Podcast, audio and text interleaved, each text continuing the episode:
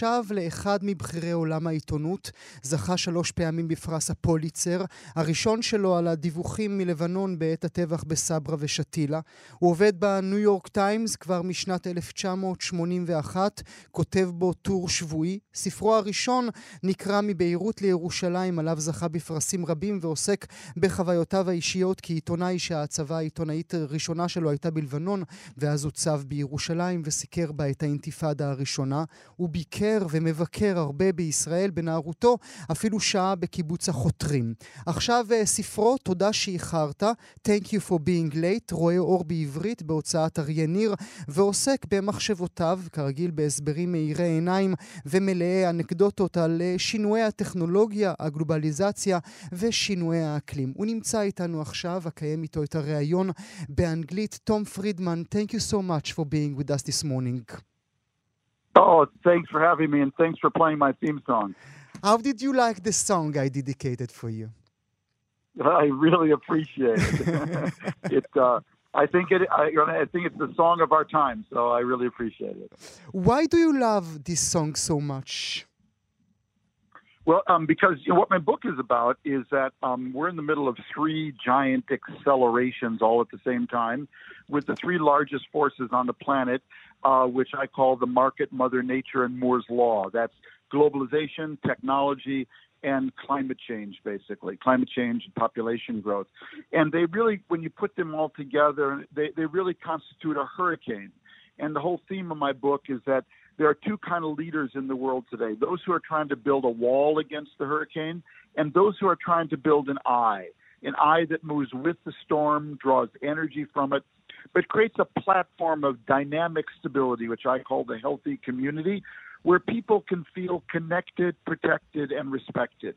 And I think the great struggle in global politics today, going forward, is actually between the wall people and the eye mm-hmm. people. Mm-hmm. And um, Brandi Carlile's song really frames that. You can dance in a hurricane, but only if you're standing in the eye. The eye is the healthy community. I will uh, translate with your uh, permission. אני, uh, שואל, אני שואל את uh, תום uh, פרידמן מדוע הוא כל כך אוהב את השיר הזה ש, שהקדשנו לו עכשיו, השיר כאמור uh, ברנדי קרלייל, השיר uh, DI. אז הוא אומר, uh, כיוון שהשיר הזה מייצג את התקופה בה אנחנו חיים. הוא אומר, הספר שאותו כאמור יוצא עכשיו uh, בעברית, זה ספר שעוסק בשלושה דברים מרכזיים שנמצאים בליבה של של התרבות שלנו אה, בשנים האלה, בזמן הזה בו אנחנו חיים, גם דיגיטל גלובליזיישן, גם עם הטבע וגם חוק מור. אתם יודעים, החוק שנותן תחזית של התפתחות מעבדים ומחשבים. והוא אומר, יש שני סוגים של מנהיגים היום בעולם. יש מנהיגים שמעמידים חומה מול אותה סערה שאנחנו נמצאים בפתחה, ויש אנשים שבדיוק כמו השיר, לוקחים אותנו אל עין הסערה, שואבים מאותה סערה עצמה את האנרגיה. אז העולם מתחלק, הוא אומר, בין אנשי החמה בין אנשי החומה לבין אנשי העין. You know, I was preparing for this uh, interview, Mr. Friedman, and I, I, was playing with my mind. I asked myself, what would Thomas Friedman will be if history or history course will change and he would be born here in Israel? Wow, uh, I don't know. You know, I've been coming to Israel since I was 15, and um, uh, it's it's really hard for me to project because so much of the way I look at the world um, is derived from the fact that I grew up as a Jew in Minnesota, uh, in the Midwest in America. I grew up at a time when politics worked in America, and because of that, it gave me a a very optimistic outlook on the world. And there's always been a tension in my journalism between kind of the innate optimism, uh, can't we all just get along of Minnesota and the Middle East that I covered um, uh, as an adult. There's a real tension there.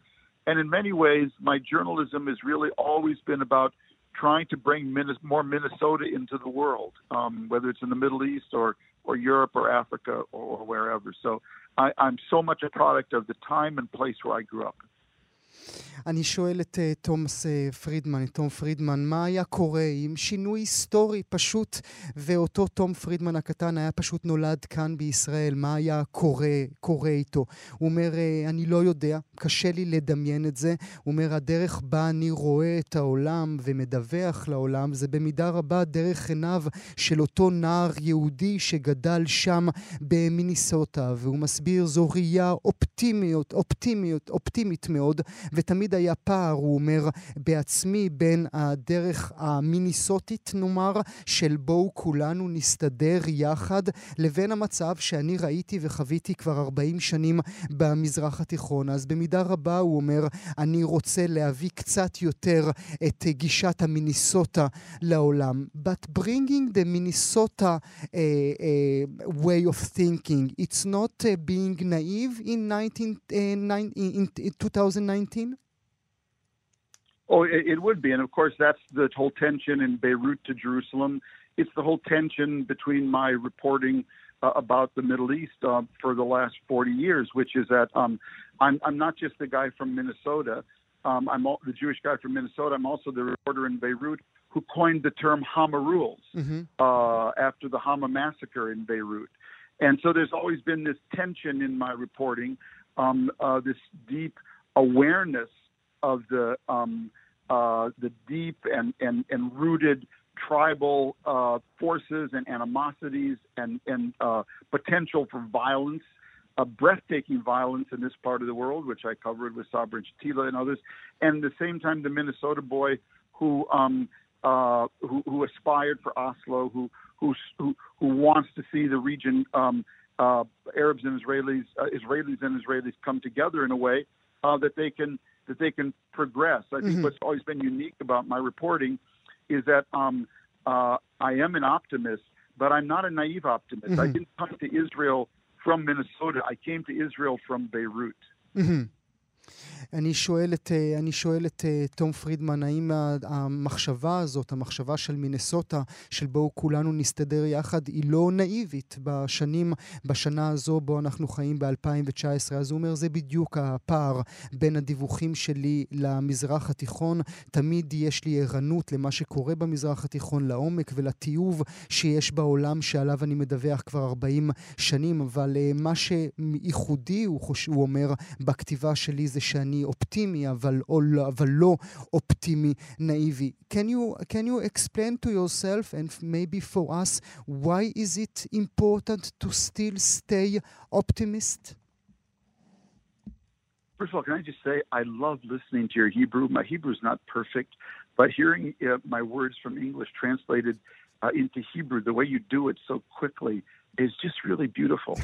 um, uh, I, I think you have to remain an optimist because, um, you know, pessimists are usually right, optimists are usually wrong, but all the great change in history was really driven by optimists. Mm-hmm.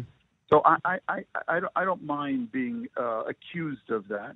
Um, uh, the world is never as good or as bleak as people sometimes present it.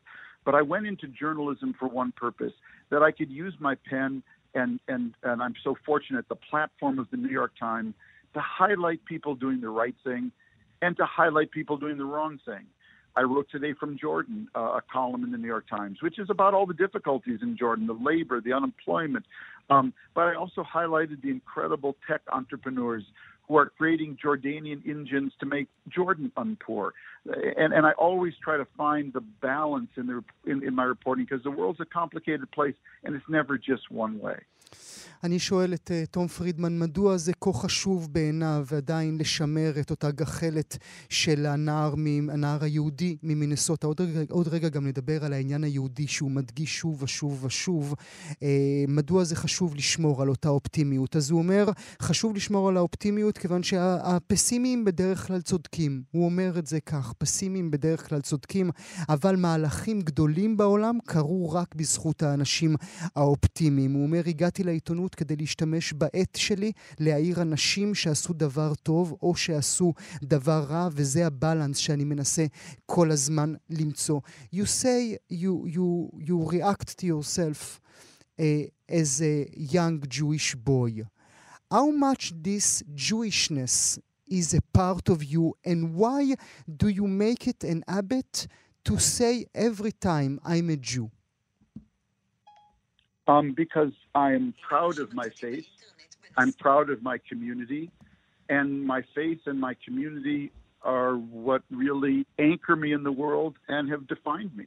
Um, my my ethical outlook comes from um, uh, the Jewish tradition I was raised in, and my um, affection for community and love of community is very much a product of both the Jewish community I grew up in, in, in Minnesota, a very nurturing community, but also the fact that I grew up in a community where Jews and Gentiles um, uh, really worked together to build this amazing community I grew up in. Um, I grew up, uh, you know, in the same community with the Coen brothers, the filmmakers, and Al Franken and uh, Michael Sandel, and we had an amazing uh, Hebrew school in, in Minneapolis, and and so uh, I, I'm the product of two, two very nurturing communities, both the Jewish community of Minnesota and the community of Minnesota, where where Jews and Gentiles um, work together to build a, an amazing space. So it's just so much part of my identity and my sense of possibility for the world at large. אני שואל את uh, תום פרידמן, מדוע הוא מזכיר בכל פעם, בכל מקום בו הוא נמצא, גם כאן בשיחה איתנו, מדוע הוא מזכיר ומתייחס אל היהדות שלו, מדוע היהדות שלו חשובה כל כך uh, עבורו, אז הוא אומר, אני גאה בקהילה שגדלתי בה, זה מה שהגדיר אותי, האתיקה שלי מגיעה מהיהדות, החיבור לקהילה מגיע מהיהדות, העובדה שגדלתי בקהילה שבה יהודים וגויים עבדו יחד כדי לבנות קהילה קהילה טובה יותר, זה חלק מרכזי ביהדות של, שלי. הוא מזכיר את האנשים איתם הוא גדל, למשל האחים כהן, אתם יודעים, הקולנוענים הכה חשובים. הוא אומר, אני גדלתי במקום שבו הייתה קהילה יהודית, אבל גם הייתה קהילה של מיניסוטה, ויחד הם ניסו לבנות אה, משהו כל כך אה, חשוב. You know, I, I want to relate to your, uh, to your new book uh, with, your, uh, with your permission. Why did you call it uh, Thank You for for being late because I hate when people are late.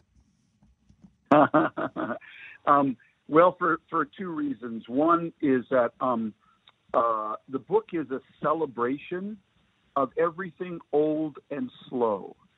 And what I really was trying to say by the title is that the faster the world gets, the more time we spend on the internet and the more we get connected, the more everything old and slow matters more than ever. All the things you cannot download, but all the things you have to upload the old fashioned way good parent to good child, good teacher to good student, good rabbi to good congregation, good teach, good bureaucrat to good citizen. All these old values that anchor us in the world, um, they matter more than ever because as the world gets this fast, if Facebook gets extended everywhere, but without values, well, you see the result. You, you see you see New Zealand. So it's a celebration of that. And it's also a celebration of something my teacher, Dov Seidman, says in the book. And Dov says when you press the pause button on a computer, hmm. it stops. But when you press the pause button on a human being, it starts. Hmm. That's when it starts to reflect, to rethink, to reimagine. And in this crazy acceleration of ours, it's really important to pause.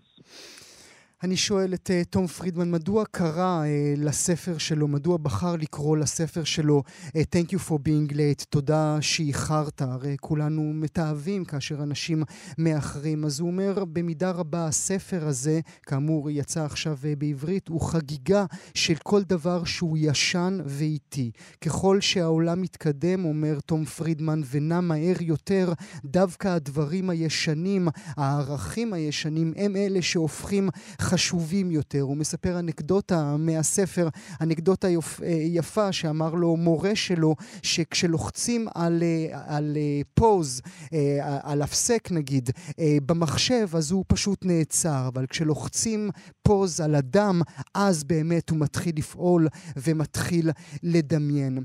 In a way, we live our life uh, in the past five, ten years maybe, uh, mostly in cyberspace. What does it what does it do to us as human beings? Well, one thing it does is it um, completely um, destroys our attention span. So people can't read books or anything long anymore because they just uh, get so used to swiping between pages in cyberspace. And the other is that uh, impact it has its negative. Cyberspace is a place where we're all connected, but no one's in charge. Hmm. So there's no police in cyberspace, no courts, no stoplights, no red lights, and um, uh, and as a result, it's actually a realm that is completely God free. And um, uh, so unless we bring our ethics and our values, we ourselves, to this realm, we're going to have a real problem because if that's where we're spending most of our life, in a realm with no laws, rules, courts, or God, that's not healthy. And you see in New Zealand where it can take you. Why do you think this is the, the second time that you mention New Zealand? Why, for you, New Zealand is such an important uh, message or maybe a, a, a, lesson? Is it because it happened two days ago, or is it because you see that as a beacon? It's a very good question, and the reason is I, I wrote a, a column uh, a month ago about the people who do our college entrance exams, uh, the SAT exams, and they they actually changed them in uh, in the last year. Um, that they decided there are two codes, two codes that every high school student, excuse me, should know when he graduates high school before he goes to college. One is the code of computing, and the other is the code of the U.S. Constitution. And what they're saying is these two things go together because computing and the internet is allowing us to extend our reach um, farther, faster, deeper, cheaper than ever before. And at the same time, though, when as our reach gets extended, if I can reach into your life and you can reach into mine, it's so important that we be governed by values, mm-hmm. by the values of the U.S. Constitution, and the two go together. And to me, the problem with Mark Zuckerberg is he took the first class, the one on computer coding, and he never took the class on the U.S. Constitution. I will translate uh, with your uh, permission. Uh, אני, אני שואל את תום פרידמן, במידה רבה אנחנו חיים את החיים שלנו, את מרבית החיים שלנו בתור הסייבר ספייס. אנחנו מתנהלים שם, אנחנו מנהלים שם מערכות יחסים, אנחנו מכירים, אנחנו רוכשים, אנחנו עושים את, ה, את הכל דרך הסייבר, ואני שואל אותו מה זה עושה לנו כבני אדם. אומר תום פרידמן, זה הורס את תשומת הלב שלנו. אנשים כבר לא מצליחים לקרוא ספרים, הם רק עסוקים בלהעביר דפים במחשב. הוא אומר, סייבר ספייס אומר שכולנו מחוברים, אבל אף אחד איננו אחראי. זה עולם שכולו מתנהל ללא משטרה, ללא, תמרירי, ללא תמרורים. הוא אומר, זו ארץ ללא אלוהים. ובדיוק בנקודה הזו של ארץ ללא אלוהים, אנחנו צריכים להביא את האתיקה שלנו, את החוקים שלנו, והוא מזכיר את, מה, את, ה, את הזוועה שקרתה אה, במסגד בניו זילנד אך לפני מספר ימים. אני תוהה מדוע דווקא את הדוגמה הזו הוא רוצה לתת לנו. אז הוא אומר, אה, כתבתי, הוא מספר שכתב אה, מאמר לפני מספר ימים, אה, לפני כחודש, סליחה, בניו יורק טיימס, שם בעצם הוא דיבר על כך שיש עכשיו כללים חדשים באמריקה, שכל תלמיד צריך לפעול על פיהם, האחד ללמוד קוד, קוד מחשבים, והשני זה קוד של החוקה האמריקאית. והוא אומר, במידה רבה, מרק זוקנברג, שהקים את פייסבוק, למד רק את השיעור הראשון, כיצד לכתוב קוד מחשבים, אבל הוא לא למד את הקוד של החוקה, של החוקה האמריקאית. What does it say about our future, Mr. Friedman?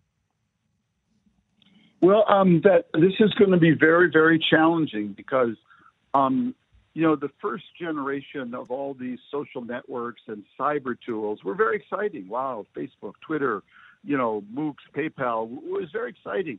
Um, but we're learning in the second uh, chapter that um, these same tools can be used by governments and bad guys to really um, uh, improve their authoritarianism or disrupt our lives. Um, you see how China now uses these cyber tools to control its population. Uh, we see how Iran uses these cyber tools to hack people's phones or computers.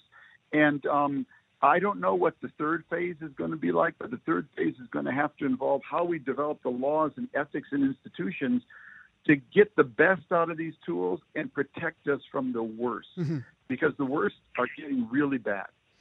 אני שואל אה, מה יהיה העתיד אה, בעיניו, אז הוא אומר, אה, אנחנו צריכים ללמוד שאותם כלים מאוד טובים, שאנחנו שמחים לגביהם, פייסבוק וטוויטר ואחרים, הם בדיוק אותם כלים שיכולים לשמש אנשים רעים אחרים כדי לקלקל את החיים שלנו. הוא נותן דוגמה את סין ששולטת באנשיה דרך, דרך הרשתות החברתיות, או בוודאי איראן שפורצת למכשירי טלפון של אנשים אחרים. הוא אומר, אני לא יודע מה יהיה, אבל זה קשור לצורך שלנו ולחובה שלנו אה, לקבל את הדברים ולהבין כיצד אנחנו צריכים אה, לעמוד, לעמוד מולם. I want to ask with your permission another question regarding, regarding your Judaism. It, it's a two-part question. Why? Uh, first, first of all, how do Americans treat or accept the Jewish Thomas Friedman, not the Tom Friedman, the writer, the columnist, but the Jewish Thomas Friedman? You know, I just have to say, this is the most interesting interview I've ever done in Israel. Um, you've asked me questions nobody's ever asked me. So, um, uh, and the and the answer to that question is very mixed. Um, there are people who um, uh, want the Jewish Tom Friedman uh, to be on their side on all the uh, issues involving Israel. And when it comes to Israel, I'm I'm basically a labor Zionist. Uh, labor Zionists used to be in the center of the American Jewish community. Now, unfortunately, the whole community's moved to the right, so I'm perceived on the left of center. Uh, at the same time, people also know that while I may be, you know, uh, someone you described as you favoring a two-state solution or whatever, I'm also um, not at all naive or uncritical of uh, things that happen in the Arab world as well. So um, I find that the general, you know, uh, perception of me is uh, people get very angry uh, at me sometimes, but it's angry because they want me to be on their side, mm-hmm. and sometimes I'm not. I'm I'm pro-Israel, um, uh, but I'm not uncritical. Um, uh, I want to see uh, peace with the Arab world, but I'm not naive about the Arab world. Mm-hmm. And that's because I'm the guy who went from Beirut to Jerusalem. Mm-hmm. Yeah, of course. Uh, אני שואל את תום פרידמן, מה האמריקאים חושבים על תום פרידמן היהודי? Uh, אז הוא אומר, uh, זה מעורב. Uh, יש אנשים שרוצים את תום היהודי שיהיה תמיד לצידם בכל מה שקשור לישראל. באותו זמן אנשים יודעים שאני לא רק תומך uh, בפתרון שתי המדינות, המדינות, אלא אני גם לא נאיבי לגבי מה שקורה בעולם הערבי. יש אנשים רבים, הוא אומר, באמריקה שכועסים עליי, אבל הם כועסים עליי בעיקר כי הם רוצים שאני אהיה בצד שלהם. אני פרו-ישראלי, אבל יש לי גם ביקורת. אני בעד מד, אה, אה, שתי מדינות לשני עמים, אבל אני לא נאיבי. And what do you say, uh, Mr. Friedman, for those in Israel, I, I should say, uh, that uh, treat you or, or think of you as a self-hating liberal Jew? um, well, I, I, say to them that um, uh, I come from a generation of American Jews that um, uh, I, I, grew up at Herzl Camp um, in in uh, in the Midwest, uh, going every summer. I lived on kibbutz all three summers of Israel. I did my sophomore year abroad at the Hebrew University of Jerusalem. Um, Israel had me at hello. Um, and at the end of the day, um, I will always be a defender of the right of the Jewish people to build a state in their homeland, in their ancestral homeland. I think they'll only be home um, if Palestinians are able to have their own uh, state uh, alongside of it. Uh, so I, I know very much who I am. Um, I'm not running a popularity contest. Um, I understand people disagree with me. Um, that's fine too. But I know uh, who I am. I know where I came from. I'm uh, my family, uh, my wife and I have endowed a travel scholarship uh, for students, any student at Stanford, Jewish or non-Jewish, who wants to come to Israel for a study for a summer. We endowed that scholarship at the Stanford Hillel in honor of our friend Secretary of State George Shultz. So, so I'm I'm not easily knocked off my game. I'm hmm. very comfortable with who I am. I'm proud of who I am, and if people disagree with me, that's fine too. I didn't go into this business uh, to be popular. I, I, I went into it to tell the truth as best I could see it. אני שואל לסיום את תום פרידמן, כיצד הוא עונה לאותם ישראלים, ויש רבים כאן בישראל שמתייחסים אליו בתור יהודי שונא עצמו, ליברלי, אז הוא אומר, אני אומר להם, לאותם אנשים שאני מגיע מדורות של יהודים, הייתי הולך למחנה קיץ יהודי בכל פעם שהייתי צעיר, כשהייתי צעיר, הייתי כמה חודשים בקיבוץ, למדתי באוניברסיטה העברית. ישראל תמיד uh, תהיה לצד uh, בשביל העם היהודי, אבל נכנסתי לעסק הזה של כתיבה לא כדי לנהל תחרות של חביב הקהל. אני יודע מי אני, מהיכן באתי, ואפשר אולי לא להסכים עם מה שאני אומר, אבל מבחינתי אלה הדברים שאני מאמין בהם. מיסטר תום פרידמן, I want to thank you so much for being with me this morning. Oh, it's fantastic. I so enjoyed this. This was just a great interview. You really made me think. So thank you for having me. Thank you so much. אז זו השיחה שלנו עם תום פרידמן, שעושה בימים אלה בישראל גם לכנס הבינלאומי של, של הספרייה הלאומית, אבל גם בעקבות ובזכות הספר החדש שלו שיצא לו עכשיו בעברית. תודה שאיחרת. אז זהו.